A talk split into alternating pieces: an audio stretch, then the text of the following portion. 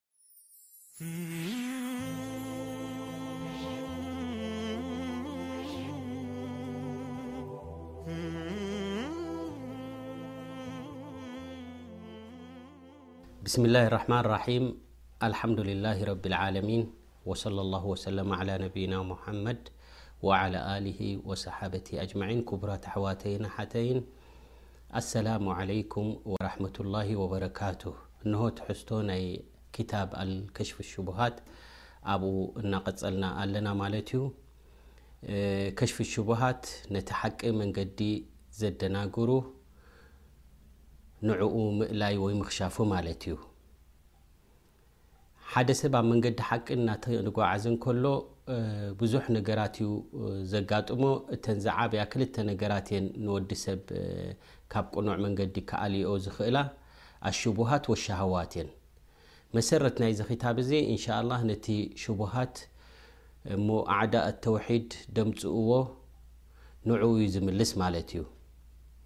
ግን እቲ ኣስተምህሮ ብዝያዳ ንክልቲኡ ዝዓብለለ ንክኸውን ብምባል ከም መቕድም ጌርናዮ ዘለና እቲ ቀንዲ ክንፈልጦ ዘለና ኣብዚ ዱንያ እዚ ሰብ ክጓዓዝ እንከሎ ብዙሕ ፈተነታት ብዙሕ እብትላ እዩ ዘጋጥሞ ማለት እዩ ኣስለን ወዲ ሰብ ከይተፈተነ ክፍለጥ ኣይክእልን እዩ ማለት እዩ ወሊሃذ ኣላሁ ስብሓን ወተላ ኣብ ሱረት ልሙልክ እንታይ ኢሉ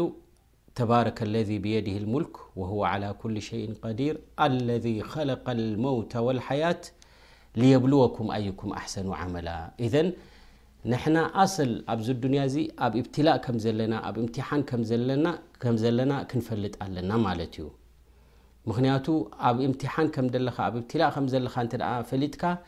ቂማ ናይ ኣዱንያ እንታይ ምዃና ፈሊጥካያ ማለት እዩ። ዝኾነ ይኹን ኼር ከጋጥመካ እንከሎ ሰዓዳ ደሐጉስ ነገር ካብ ልክዑ ኣይትሐጎስን ኢኻ ምኽንያቱ እዚ ፈተነ እዩ ከተመስግን ዲኻ ኣይተመስግንን ኢኻ ትፍተን ደለኻ ማለት እዩ እምበር ረቢ ፈትዩካ ወይ ናይ ምፍታው ምልክት ጥራሕ ጌርና ክንወስዶ የብልናን ማለት እዩ። ከምኡ ድማ ጸገማትን ሽግርን መዓትን ክወርደካ እንከሎ እዚ ድማ ክትፈልጥ ኣለካ ኢብትላ ኢምትሓን ምዃኑ ሰብሪ ኣለካ ድዩ ወላስ ከተንጸርጽር ኢኻ ነቲ ቀደር ናይ ረቢ ክትጸሊ ኢኻ ትፍተን ኢኻ ዘለኻ ማለት እዩ ኢዘን ኩላ ግዜ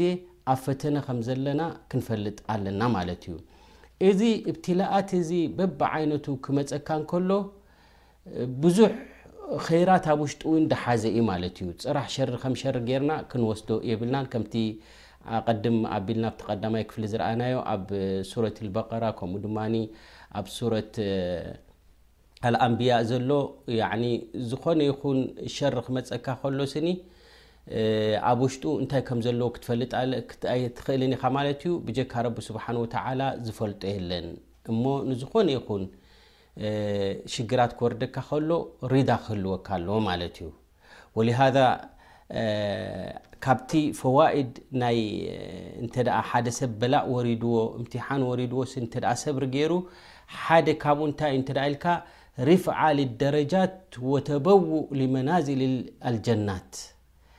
ጀና ደረጃታት ላዕሊ ዝኾነ ኣሎ ማንም ሰብ ክበጽሖ ዘይክእል ኢላ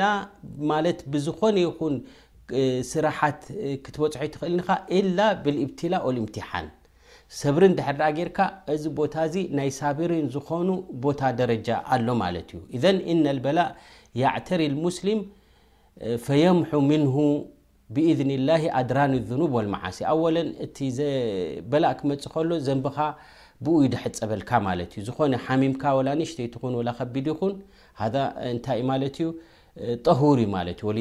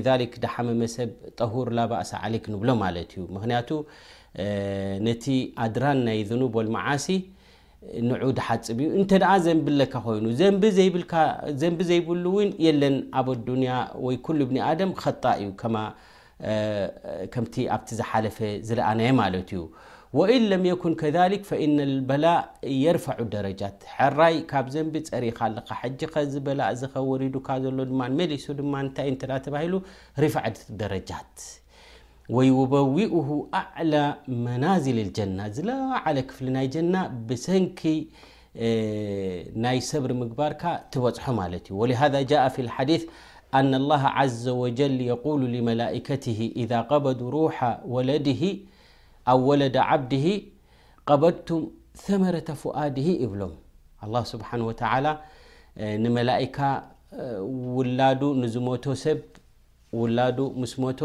ነቶም መላኢካ ይብሎም ነቲ ዝፈትዎ ዝነበረ ውላዱ ዲኹም ወሲድኩምሉ ይብሎም ወሁወ ኣዕለም ፈየቁሉን ናዓም እወ ይብሉ ፈየቁል ማዛ ቃለ ዓብዲ እሞ ባርያይ ከኒ እንታይ ኢሉ ጸርጸር ደይሉስ ወላ ከመይ ነይሩ እቲ ኩነታቱ ፈየቁሉን ሓሚደከ ወስተርጃዕ ኣልሓምድሊላህ ኢሉ ኩሉ ናይ ረቢ ኢሉ ንዓኻ ኣመስጊኑ ከምኡ ድማ እስተርጃዕ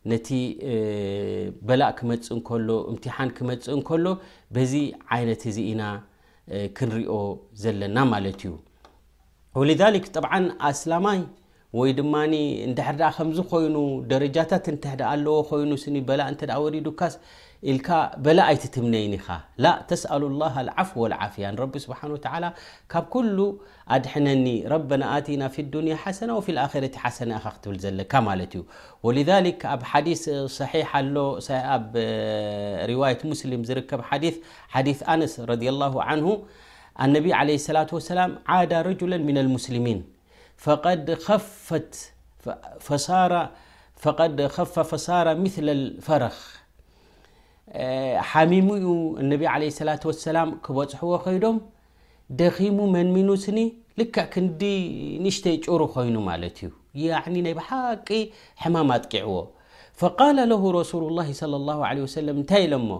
ሀል ኩንተ ተድዑ ብሸይኢን ኣው ተስኣሉሁ ኢያህ ገለ ዱዓ ትገብሮ ኣሎ ድዩ ንረቢ ስብሓን ወተዓላ ትልምኖ ዱዓ እንታይ ኣለካ ኣለካ ዶ ምስ በሎስ ቃለ ናዓም እወ ንረቢሲ ዱዓ ዝገብሮ ዝልምኖ ኣለኒ ኢሉ እንታይ ትብል ምስ በልዎ ኣቁሉ ኣላሁመ ማ ኩንተ ሙዓቂቢ ብሂ ፊልኣኺራ ፈዓጅልሁ ሊ ፊዱንያ ይብል ነይረ ኣንታ ረቢ ኣብ የውመልቅያማ ኣብ ኣኼራ እትቐፅዓኒ መቕፃዕቲ እንተ ኣሎ ኮይኑ ስኒ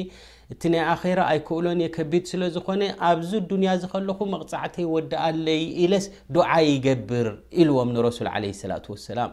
ፈቃለ ረሱሉ ላሂ ሰለላሁ ዓለይሂ ወሰለም ሱብሓነላህ ኢሎሞ ተገሪሞም ዝገርም እዩ ላ ትጢቁሁ ንምንታይ ከምኡ ኢልካ ድዓ ትገብር እዚ እስኻ ኣይትኽእሎን ኢኻ እዚ ትገብሮ ዘለኻ ድዓ ኣው ላ ተስተጢዕሁ ኢሎሞ ኣፈላ ቁልታ ከምዚ ኢልካ ግዳ ድዓ ደይትገብር ኢሎሞ ከምዚ ግዳ ደይትብል ኢሎሞ ኣላሁመ ኣቲና ፊ ዱንያ ሓሰና ወፊ ልኣኺረቲ ሓሰና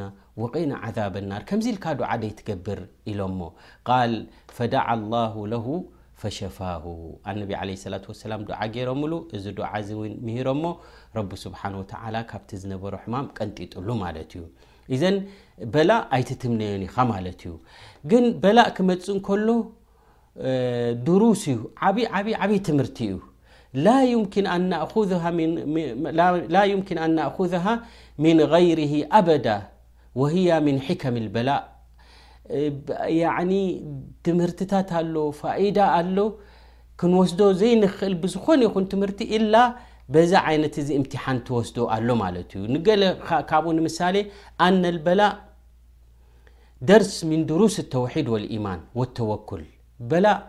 ሓደ ዓብይ ትምህርቲ እዩ ዝህበካ ማለት እዩ ተውሒድ ድኹም ምዃንካ ክእለት ከም ዘይብልካ ኩሉ ክእለት ናይ ረቢ ስብሓን ወተዓላ ምዃኑ ሓደ ዓብይ ትምህርቲ እዩ ከምኡ ውን ተወኩል ይምህረካ እዩ ማለት እዩ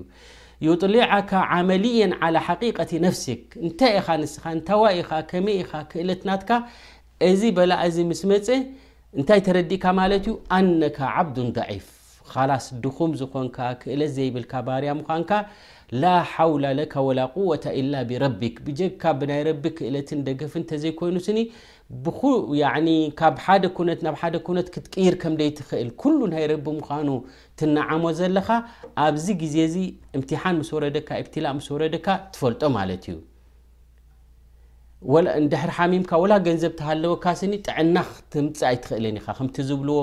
ብገንዘብካ ፈውሲ ደኣ እምበር ትገዝእ ጥዕና ኣይትገዝእን ኢኻ ይብሉ እወ ማለት ወላ እኮ ፈውስታት ገዚእካ ገዚእካ ገዚእካ ተጠቂምካሉ ተዓፍያ ትስሓ እውን ክትረኽቦ ኣይትኽእልን ኢኻ ማለት እዩ ስለዚ እምበኣሪ እዚ እንታይ እዚ በላእ እዚ ክመርፅ እንከሎ ናይ ብሓቂ ሓቂ ተወኩል ን ረቢ ስብሓን ወተዓላ ኢልትጃእ ናብ ረቢ ስብሓን ወተዓላ ከምኡ ድማ ትዕቢት ክሕዘካ ኣይክእልን እዩ ካላስ እስኻ እምበኣረይ ንእሽተይ ነገር ሕማም መፅያ ክተደቅሰካ ትኽእል ንእሽተይ ሕማም መፅያ እዚ ኩሉ መን ከማይ ድብል ዝነበረ ድኹም ምዃኑ ይፈልጥ ማለት እዩ ስለዚ እምበኣረይ ምዝነት ይኹን ሃብቲ ይኹን ስልጣን ይኹን ወላ ሓንቲ ክእለት ከም ዘይብልካ ንስኻ ኩሉ ክእለት ናይ ረቢ ስብሓን ወተዓላ ጥራሕ ምዃኑ በዚ እብትላእ እዚ ክትፈልጦ ትኽእል ማለት እዩ ስለዚ ኣዱንያ ዳር ናይ እብትላ ናይ እምትሓን እያ ኩሉ ኣብኡ ደሎ ነከድ ፀገማት ዝመልኣ እቲ ናይ ብሓቂ ሰዓዳ ዘለዎ ጉድለት ዘይብሉ ኣብ ኣኼራ ጥራሕ እዩ ዘሎ ወልክ ረቡና ዘ ወጀል እንታይ ኢሉ ወኢነ ዳር ኣኪረተ ለህየ ልሓየዋኑ ለው ካኑ ያዕለሙን ኢሉ። ኩሉ እፎይታን ቅሳነትን ኣብቲ ናይ ኣኼራ እዩ ዘሎ ማለት እዩ። እሞ እዚ ከሽፍ ሽቡሃት ቅድሚ ምእታውና ብኸምዚ ክንርድኦ እንከለና ኣብዚ መንገዲ ቅኑዕ ክትጉዓዝ ከለኻ ብዙሕ ፈተነታት ከም ዘጋጥመካ በይነ ሹብሃ ወሸሃዋት ፊተን ከም ዘሎ ክንፈልጥ ንኽእል ማለት እዩ። ኢንሻ ኣላህ ኣብቲ ድመጽእ ትሕዝቶና ብዝያዳ ክንትንትን ኢና። ወሰለ ላሁ ወሰለመ ዓላ ነቢይና ሙሓመድ።